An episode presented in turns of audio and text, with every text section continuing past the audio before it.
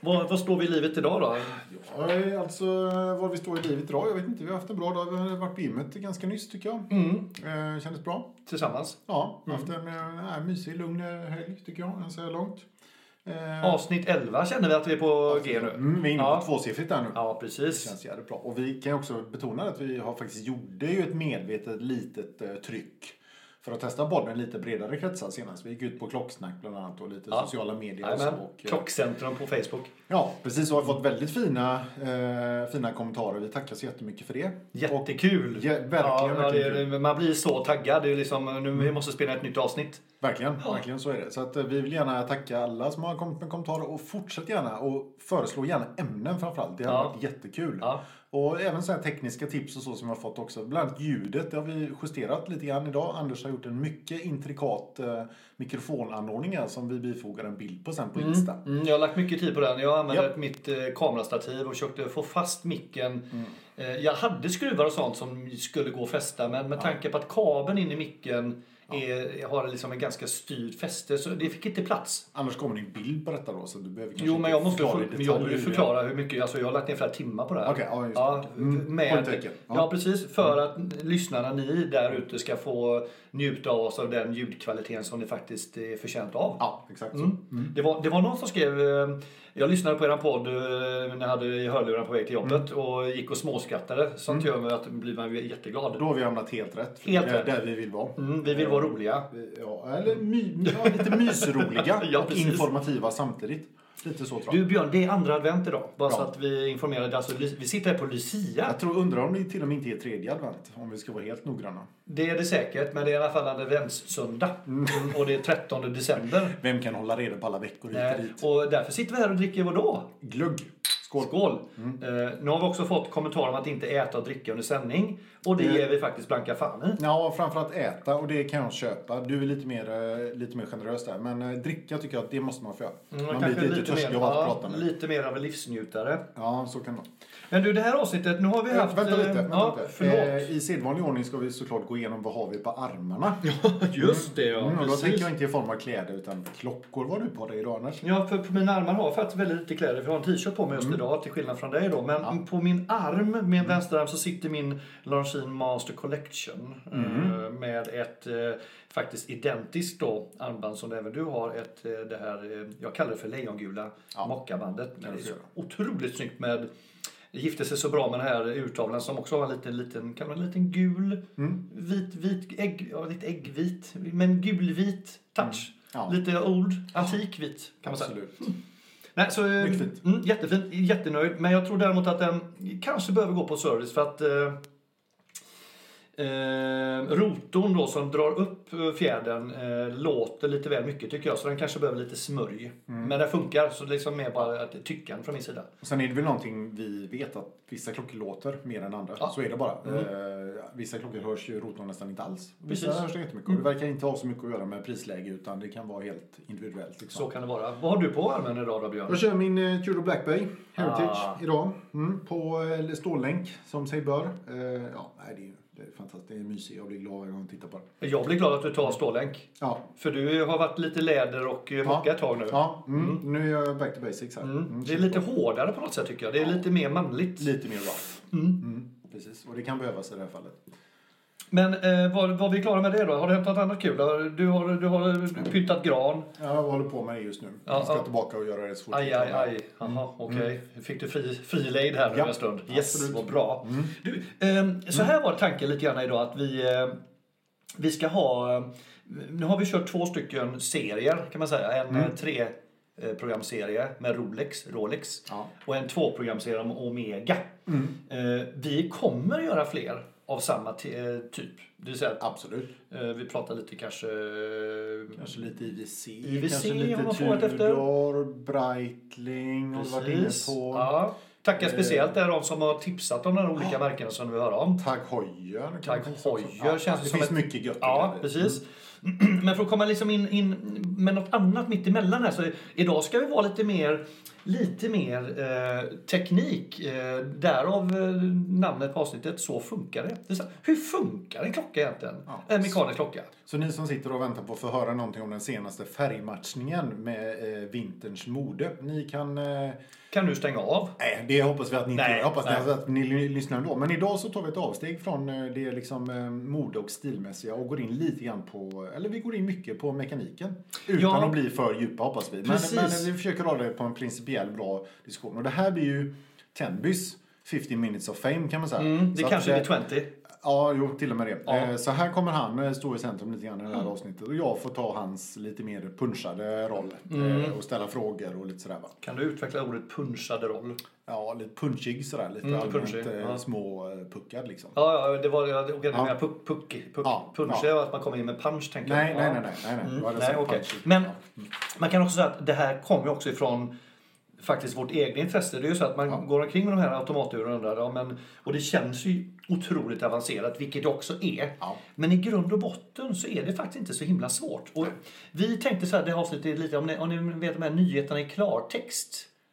Vi ska liksom försöka på oss den utmaningen att liksom göra det här eh, det här komplicerade ganska enkelt. Så ja. att man åtminstone förstår grundprinciperna. Ja. Mm. Och att man framförallt kanske man lyssnar klart kan kan enkelt ha ett bra grepp om hur ett mekaniskt ur fungerar. Vad som skiljer det kanske dessutom mm, mot ett mm, kvartsverk till exempel. Mm, precis. Och hur kommer en moraklocka in? Hur funkar det? Vad är mm. fickur? Vad är skillnaden där? Mm. Lite sådana saker. Mm. Lite sånt som kan vara bra att veta helt enkelt. Vi kommer också namedroppa lite så här, eh, termer som också är kul att känna till. Men, men när jag har gjort den här studien och den här liksom, eh, genomgång så inser jag att att, att det, det... Studien. Ja. Vi har alltså gjort en studie här. Jag har gjort en jag vill studie. att lyssnarna noterar detta. Jag gjorde en studie här mm. eh, inför den här avhandlingen idag mm. då, som mm. ska bli opponerad på av mm. eh, herr Knutsson. Docent Knut. Eh, mm, precis. Eh, så, så eh, tappar jag bort tråden helt och hållet. Mm. Men, men jo, säg så här att det finns ju jättemånga olika så kallade komplikationer men i grund och botten så är klockan en, en, en, en källa av rörelser, av synkroniserad rörelse.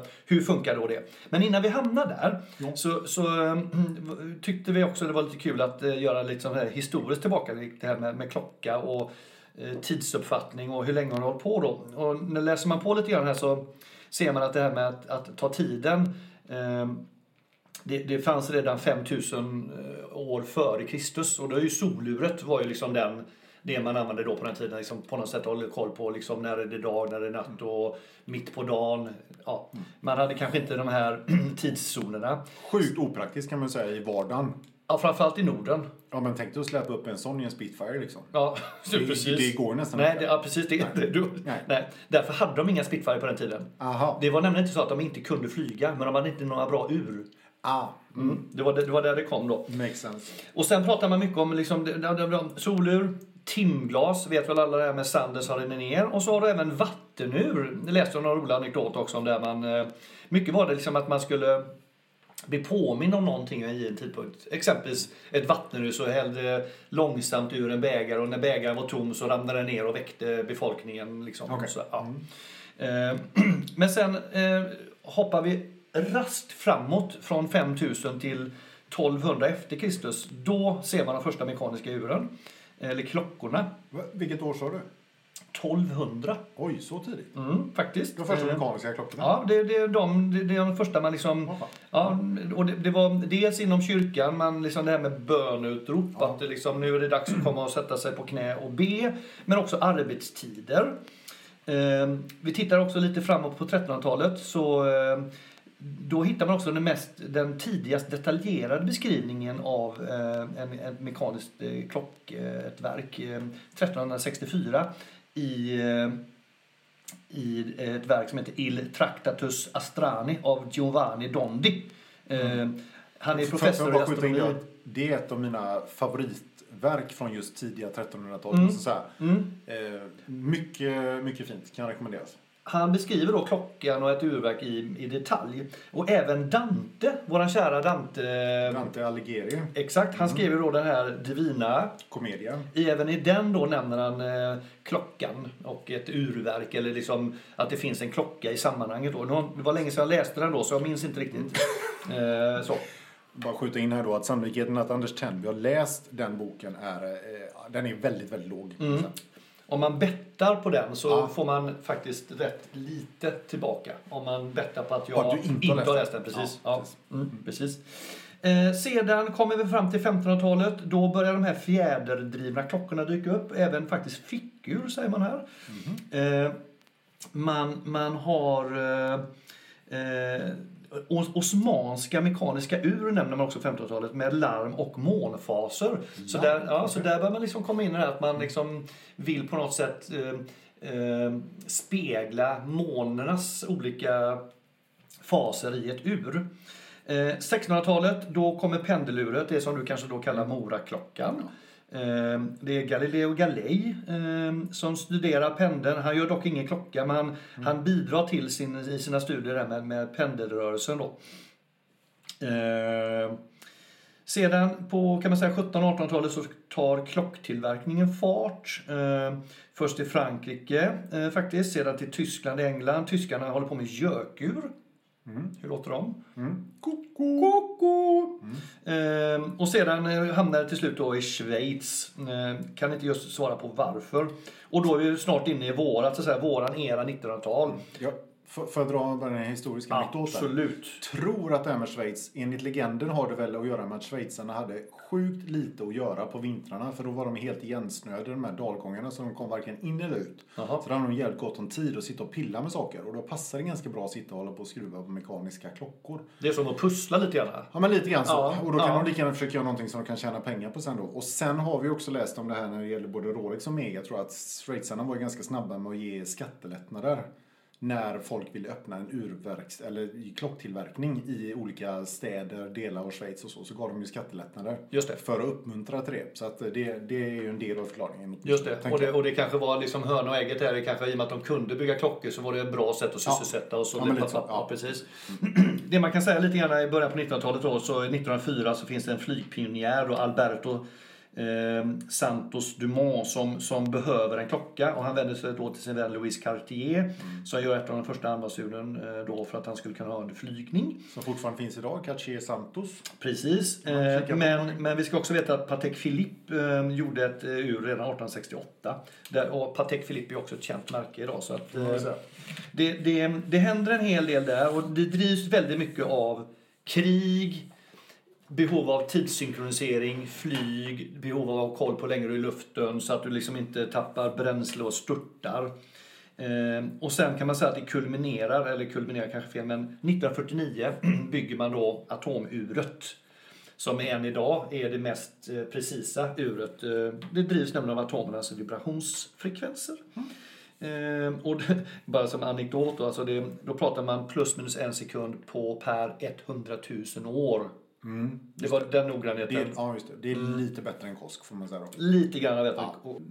Vad sa vi om det? KOSK eh, minus 4 till plus 6. Mm. Sen kan då, som jag uppfattar det, eh, klockmärkena själva ange en, ännu snävare tolerans. Jag tror att Rolex har ännu snävare till exempel. Mm, men de har samma typ av testförfarande ja. och det är det som är själva standarden. Ja, att du testar den i olika lägen och så vidare, olika temperaturer och så tror jag det också. Och Omega har ju sitt eget, jag tror det heter Metas och där går de garanterat noll till, till, plus 5. Så den är lite, lite snävare då. Och dessutom då eh, magnet, magnetiskt eh, test och så vidare. Då. Ja, det är ja. fantastiskt. Men nu ja. snart är vi lite off topic ja. här då. Liksom. Vi hamnar där från atomuret som hade då mm. plus minus en sekund på 100 000 år. Ja, det är bra. fanns ingen begrepp för det. Eh, känns ju rätt så ointressant. Ja. Eh, vi hoppar in i urverket. Hur funkar det? Exakt. Hur fun och det är, liksom, det, det, det, är klart att det är oerhört fascinerande teknik och precision och eh, minimalistisk kan man säga det här med ett, med ett urverk.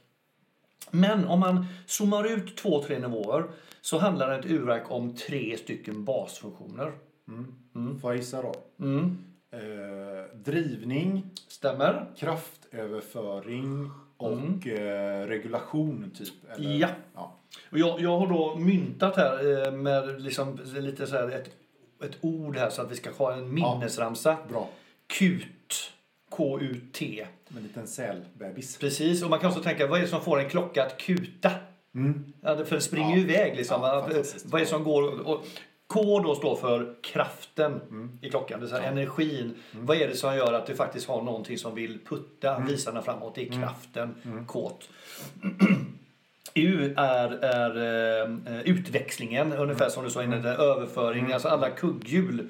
Och där kan man säga att det finns ju en, en, en, en, skader av kugghjul som, som gör olika saker. Men i grund och botten får de sin rörelse från någonstans och det får de då från kraften, så här fjädern i, i hjulet. Ja. Och sedan har vi den sista då, T, det är alltså takten och du sa istället eh, Ja, regulationen Ja, så eller? ja, ja. Ja, Och om man bara tänker reglering på något sätt. Och takt känns väl ganska liksom folkligt, liksom, att alla vet vad det innehåller, en takt. Liksom. Eh, och då, då, då, hela finessen med en klocka är ju det att, att om man, och det här kan nog alla tänka, tänka ut själva, att om du drar upp en fjäder Mm. så den blir jätte, jättespänd och du kopplar den till en, en visare, vad händer då? Jo, den drar ju iväg. Precis. Så var det färdigt. Ja. Ja. Så då har vi det här liksom, det, det luriga liksom, hur får vi fjäderns kraft att, att, så att säga, pumpa ut i en lagom takt? Och, eh, och takten är en sak och det andra också att du vill ha sen visarna då och går sekundvisan ska röra sig en viss hastighet och timvisan en annan hastighet och sekund etc. etc. Är du med då? Va? Mm. Och då, då har jag tänkt, eh, istället för att gå in i, i tekniken här, för då kan man säga liksom att i klockan då finns det en fjäder, det finns massa kugghjul och så finns det någonting som heter escapement wheel, eller en escapement eh, mekanism. Och då, då undrar man så här, ja, hur funkar den? Och det här jag vill nu att du, du ska sätta dig liksom och, och luta dig tillbaka och blunda och tänka in i följande scenario. Mm. Så att man ska förstå principen. Då tänker vi så här, du är på en lekplats, Björn. Mm. Och även lyssnaren, tänk nu så här, nu är du på en lekplats. Du har, en, du har liksom din, din eh, tvååriga bebis på en gunga. Eh, och bebisen kan ju inte gunga själv så att du måste ju liksom putta på bebisen. Du står vid sidan av gungan. Eh, och sedan så är det så att du har blivit fastmonterad i en fjäder i marken. Mm, som är helt uppdragen. Eh, som gör att om, om du liksom inte har någon styrning på det så kommer du bara vroom, snurra flera hundra varv. Och på huvudet där uppe så, så har du en, en, en huvudet är kopplat till en, en, en sekundvisare helt enkelt. Mm. Eh, Så nu leker vi att du som förälder då är, är själva klockmekanismen. Mm. Det, det jag ska försöka spegla är det själva escapement wheelet här. Då, va? Ja, det är den lilla översättningen jag ska göra. Så drar vi upp den här liksom och så... så och då, vad, vad har då gungan för funktion här? Jo, det, det är den som sätter takten. Och då tänker du så här att du... eh, Sätter fart på den här bebisen så den gungar då. Eh, Så nu låtsas vi att den är igång och gungar. Så står det vid sidan om där. Och så är bebisen på väg ifrån en av sina toppgungar. På väg ner. Eh, Och du håller, han kommer från höger tänkte vi oss, kommer bebisen. Då står du där, du har massa fjäder i, i, i benen. eh, Men du sitter ändå fast. Det är mekanismen att du sitter fast. Du håller ut vänsterhanden. Precis när bebisen kommer med sitt knä och slår till vänsterhanden. Då släpper den mekanismen.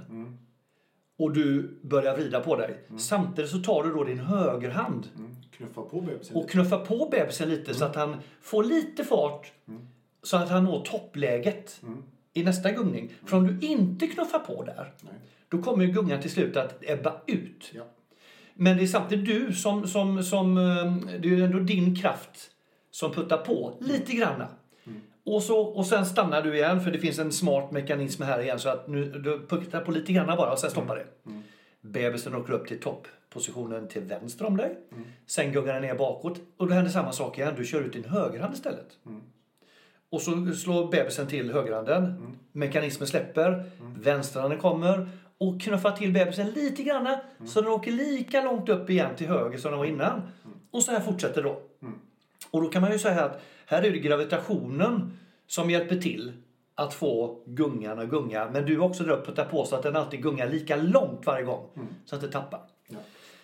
Detta är exakt samma sak som händer i ett urverk. Och då är det kanske lättast att tänka tillbaka till Moraklockan där du har en pendel som gör samma sak. Där den här vikten på pendeln, genom att ställa den olika högt upp så får du olika lång pendling. Eh, och gravitationen gör ju att den, den, den liksom vill åka ner. Och när den åker ner så finns det en smart funktion där inne i pendeln. Och du vet att i ett morahus har du också en sån här stor Nu två saker på en gång. Du måste dra upp en moraklocka. Ja, det räcker inte att den pendlar. Nej, nej. Så du har en stor fet så här, uppdragningsmekanism och en så här stor uppdragnings... Eh, vad kallar man det? Så här, ett verktyg. Ja. Vad kallas den? En uppdragare. Ja, ja, mm, ja precis. Så vingmutter är ute efter. Precis. Mm. Den drar upp då. Och den fjädern, varje gång pendeln kommer ner längst ner då frigörs den här mekanismen som puttar på pendeln lite granna. Precis. Så den orkar åka hela vägen upp. Den orkar åka ganska långt utan mm. den. Men orkar hela vägen upp. Mm. Och så vänder den.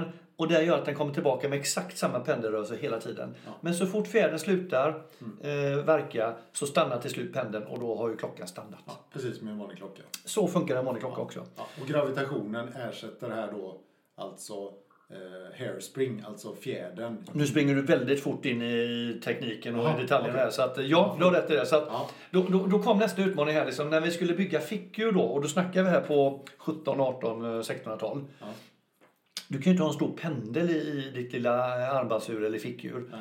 Utan hur, hur, kan vi då ersätta det? Och det är där du får det här. Mm. Det, det, man har i en, i en, mekanisk klocka då, då har man ett så kallat eh, balanshjul. Mm. Det är alltså en liten, liten ring som har också en fjäder kopplad till sig. Som, som funkar då lite som, kan man säga, som gravitationen. Så att när den då svänger fram och tillbaka det här hjulet, för det svänger då fram och tillbaka, så är det en liten klack som, som slår till det här escapement wheelet som är då föräldern. Och då får den också en liten fart. Så att den svänger nästan ett helt varv och sen gör fjädern så att nu räcker det, nu vänder vi tillbaka och så svänger den tillbaka. Och så håller den här på så här då. Så att i, i en fick fickur så är pendeln ersatt av ett så kallat balanshjul mm. kopplat till en liten fjädermekanism. Ja, och man kan säga att det är spänningen i den fjädern som avgör hur rätt klockan går. Hur, sna hur, snabbt den svänger. Ja, hur snabbt den går. Ja, precis, ja. Men i princip också hur, om den går lite för fort eller lite för långsamt. Rätt. För, för då kan man justera så att säga, eh, med ett annat ord, rucka. Rucka är ett begrepp som på finns. Den då. Precis. Och, och då, mm, baserat på det du sa på moraklockan, så gissar jag att när man flyttar den där vikten upp och ner yes. på pendeln, det är ruckningen i en moraklocka. Det var moraruckningen på den tiden. Det är moraruckningen. Ja, okay. mm. Jag visste ju ingen då att det hette det, men det var det man gjorde. Nej, utan det känner man nog med att man, man flyttade vikten. Ja. Och det kanske man då sa att nu, nu, nu ska jag gå och rucka Moraklockan här farmor. Mm. Eh, kanske man inte sa. Nu ska jag blåsa ut ett ljus, vänta lite. Mm. Så. Mm. Eh, så att, och då, då går vi in igen i det här och det fascinerar med de här med, med alla fickor att det är, det är så små detaljer med sån otrolig precision. Mm. Men tillbaka då, om man liksom zoomar ut så är det kut, kraften. Mm. Det är den här så kallade mainspringen, alltså huvudfjädern, mm. som du drar upp med din krona. Ja. Och på ett automatur så har du då en rotor i klockverket eller urverket som drar upp den här fjädern hela tiden så länge du rör din klocka. Mm. Sedan har du då massa kugghjul som ser till att kraften kommer till det så kallade escapement wheelet. Jag har inget bra takthjul har jag försökt översätta. Jag hittar inget bra. Har du någon bra svensk benämning på escapement wheel?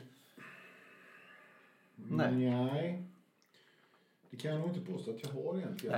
Nej, men Spär, spärrhjul. Spärrhjul kan det vara. Det har, nog, ja, det har jag hört också. Mm. Och det, det, det hjulet är det då som, som, som hela tiden är spänning och som skulle vilja rusa iväg hur fort som helst. Nej, det är inte ett spärrhjul. Nej. Spärrhjulet är, som, det är det som hindrar att eh, fjädern vrider, eh, fjädern liksom flångar ut Tillbaka. när du har vridit upp den. Ja, just det. det är spärrhjulet. Okay. Ja. Nej, strunt samma. Vi kör med dem men, men till det i alla fall så, så kommer då, dit kommer kraften. Och sen är det, sen är det så att, eh, här får jag, det här går inte att förklara i en podd. Utan vi har några länkar som vi lägger i på vårt Instagram sen. Eh, där ni kan gå in och titta på det här. För det är fascinerande för att escapement-hjulet är kopplat till en så kallad gaffel kan man säga.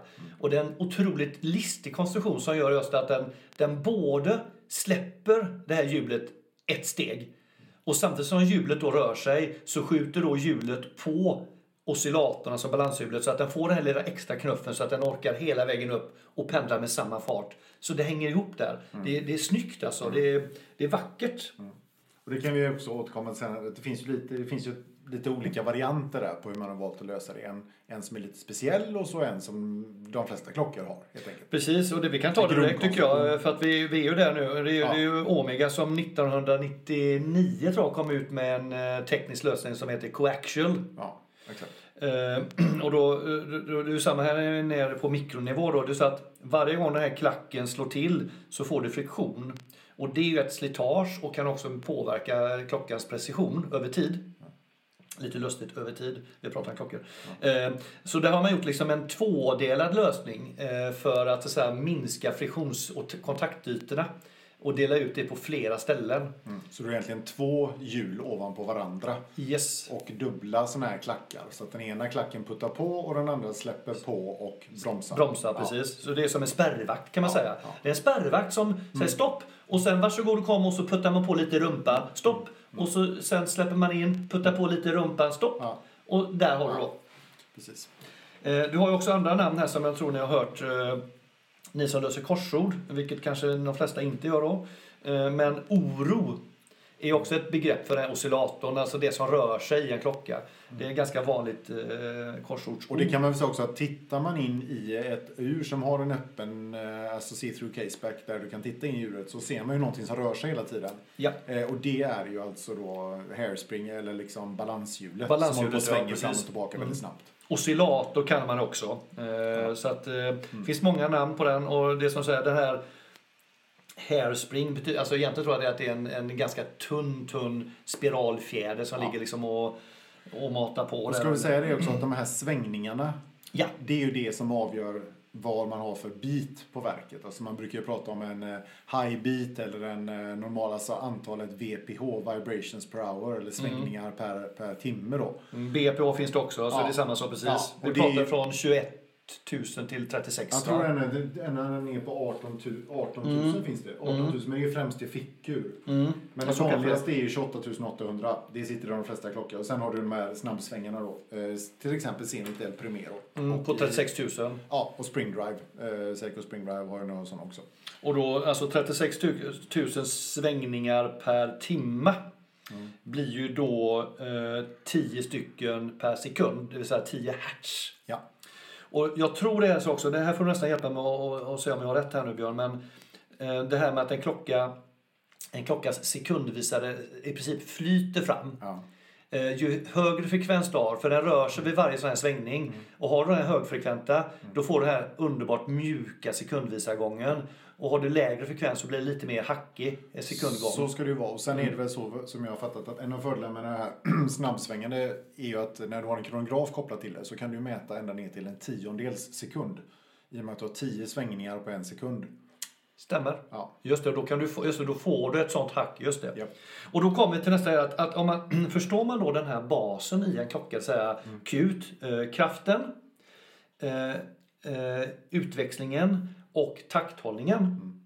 Resten är ju egentligen bara att koppla på olika utväxlingar mm. till den här konstanta rörelsen som finns i klockan. Ja. Och då är det då vi börjar prata om att okej, okay, grunden är att du har en sekundvisare som har en viss utväxling. Du har en minutvisare som en annan utväxling. Sen har du då en, en timvisare som en tredje utväxling. På det kan du koppla på sen eh, dagar, mm. datum, månfaser, kronometrar, etc.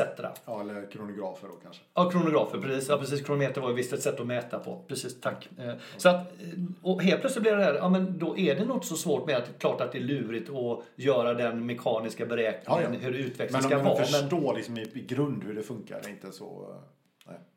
Du har ju även de som Ja, precis. Och det är klart att det luriga med de här också, där det, det varierar också över tid.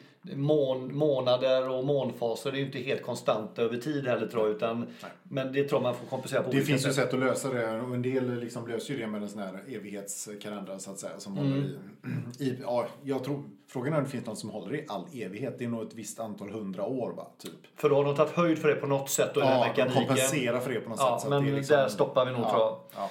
Eh, sedan har vi lite andra så här begrepp som kan vara, bara, kan vara kul att veta. Eh, det brukar också stå på klockorna att det, det innehåller ett antal juveler eller ju, jewels, mm. jewels, jewels. Mm.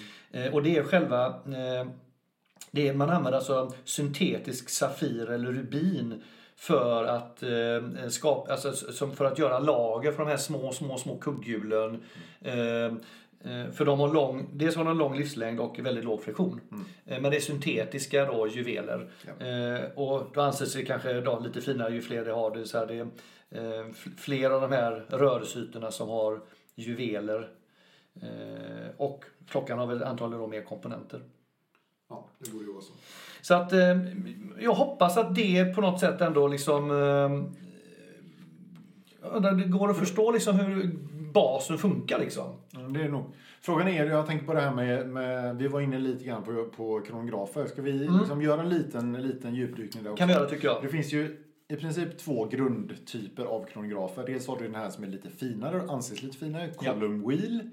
Och då har man ofta kopplat då en vertical clutch till den. Vi precis, till det. Precis. Eller så har du då camera eller lever operated och då har du en horizontal clutch. Mm. Ska vi säga vad, vad det är? Det... Jo, men det kan vi göra. Jag, jag tror vi ska, vi ska nog börja från andra hållet där tänker jag. Så här. Då, då är det mm. samma där att, att, utmaningen då när du, när du ska ta tiden då, så tillbaka till att vad vi vet nu så, så finns det ju det finns ett hjärta i klockan som är i rörelse hela tiden. Mm. Det är 28 800 mm. svängningar per sekund och det gör att det finns något kugghjul där som alltid är i rörelse. Mm. När du ska starta då en kronograf mm. Då är det något kugghjul som ska helt plötsligt på väldigt kort stund haka i ett som är rörelse. Mm. Och det är där som du säger, det finns det två sätt att göra på. Hur kopplar du ihop ett stillastående kugghjul med ett som då mm. är rörelse? Mm. Och där har du då en teknologi som heter vertical clutch. Nej, eh, jag börjar med, förlåt, horizontal. Då tänker du att det är två kugghjul som ligger bredvid varandra, platt. Eh, och så fort du trycker till det ena så, som, som ligger still mm. så hakar i det som rör sig. Det som mm. kan hända med den lösningen är att om kugghjulen inte är, om de är precis tänderna emot mm. tänderna mm. så kan det bli en liten, liten, liten störning i första mm. sekunden. Ja, inte, bra. Eh, inte då högprecisionsaktigt då. Inte bra. Nej. Då har du nästa lösning som heter då vertical clutch och clutch är ju koppling ja. eh, på svenska. Ja. Då tänker du att du har en symbol Mm. Det vill säga trumsetet. Ja. Den undre symbolen är i rörelse. Mm. Och den övre står still. Mm. Och när du trycker till kronometern så mm. går symbolerna ihop. Mm. Och de hamnar i samma takt direkt. Jag tror och det du syftar på nu är en hi-hat då? En hi-hat, precis. Ja, ja. precis ja. en vanlig symbol har bara en sida så vitt jag vet. Ja, det är sant. Men det är mm. två symboler som utgör en hi-hat då. Men en hur, hi hur många namn på olika symboltyper kan du? Ja, men eh, hi-hat då. Och sen så... Crash och ja, ride va? Stopp. Stopp där. Det gör i alla fall att en vertical clutch mm. anses vara mycket mer precis för den har inte risken att hamna fel. Nej. Så då har vi löst ut den då. Liksom. Ja. Två olika kopplingssätt. Ja. Horisontell, kugghjul mot kugghjul. Ja. Eller vertical och då har vi hi-hat. Ja. Precis. Mm. Yta mot yta. Liksom. Yta mot yta, Anläggningsyta mot mm. Men vad med det här med column wheel och, och cam då? Jo, det, det, det, det, är nästa bit då. Det, det vi märker av när vi, när vi ska starta en kronograf, vi trycker på en knapp. Ja. Och då är frågan hur den, hur den knapprörelsen då förs in i klockans urverk och mekanism. Ja. Och där har du då två olika sätt. Som det ena är då det här eh, ett, ett, eh, ett kam, alltså det, det, det, kan man säga, det är som en koncentrisk eh, bricka. Okay. är kanske inte bra uttryck. Utan, och, och så, när du trycker på den ja. så, så eh, Ja, det är ju en spak helt enkelt som puttar på någonting. Ja, det var bra uttryck. Ja, en spak är det. Ja, så är det. Precis. Lever operator, alltså det är en, en, en spak som en spak. puttar till någonting. Ja. Men då är frågan, vad är column wheel då? Ja, det, det låter ju sjukt Ja, eh, det, det, kan man säga, det är som en mer förfinad spak som egentligen då består av eh, sex stycken småspakar och som sitter i en samling som är en, som är en eh, som är, som är en karusell. En liten karusell. Mm -hmm. eh, och den har väldigt, väldigt fin precision. Det gör att känslan när du trycker in en sån eh, start-stoppknapp. Är lite mer distinkt och lite mer precis. Mm. Och kräver inte kanske lika mycket kraft som då den här kamlösningen. Ja. Men det är samma här, det här får man nästan gå in och titta på någon av de här uh, Youtube-klippen som finns om det här för att förstå det lite grann. Det finns ju väldigt bra uh, klipp ja, det gör det. rekommendera. Mm. Men man kan mer liksom bara här i den här forumet då liksom förstå att okej, okay, det är två olika sätt att föra över knapptryckningen in i mekanismen och föra då kugghjulet som ligger still till det kugghjulet som rör sig. Det är det skillnad på ett cam-driven och ett column wheel-driven. Ja, precis. Och som jag sagt tidigare så, så, så, finns det olika typer av kronografverk såklart. Eh, och det anses ju då lite finare eller lite bättre att bygga ett kronografverk från början. Det vill säga att du anpassar klockan i hela urverket för att du ska ha en kronograf i det. Sen kan man också hänga på, piggybacka en kronograf och det anses ju då vara lite enklare. Och där har vi inte ett exempel från Omega-avsnitten? Jo, det var precis det vi pratade om. Ja, eller hur? Ja, ja. Och, och mm. Tittar man på det uret så tycker jag också... Speedmaster det... Reduced tror jag ja. Eh, har en sån. Och det gör ju också att det, det man tycker är uppenbart i den är att där sätter man de här subdialsen ganska, ganska utspritt i urtavlan vilket inte blir speciellt snyggt. Och det är väl för att ja, men det var tvungen att hamna där för att det var där platsen fanns kvar. Förmodligen är det så. Ja.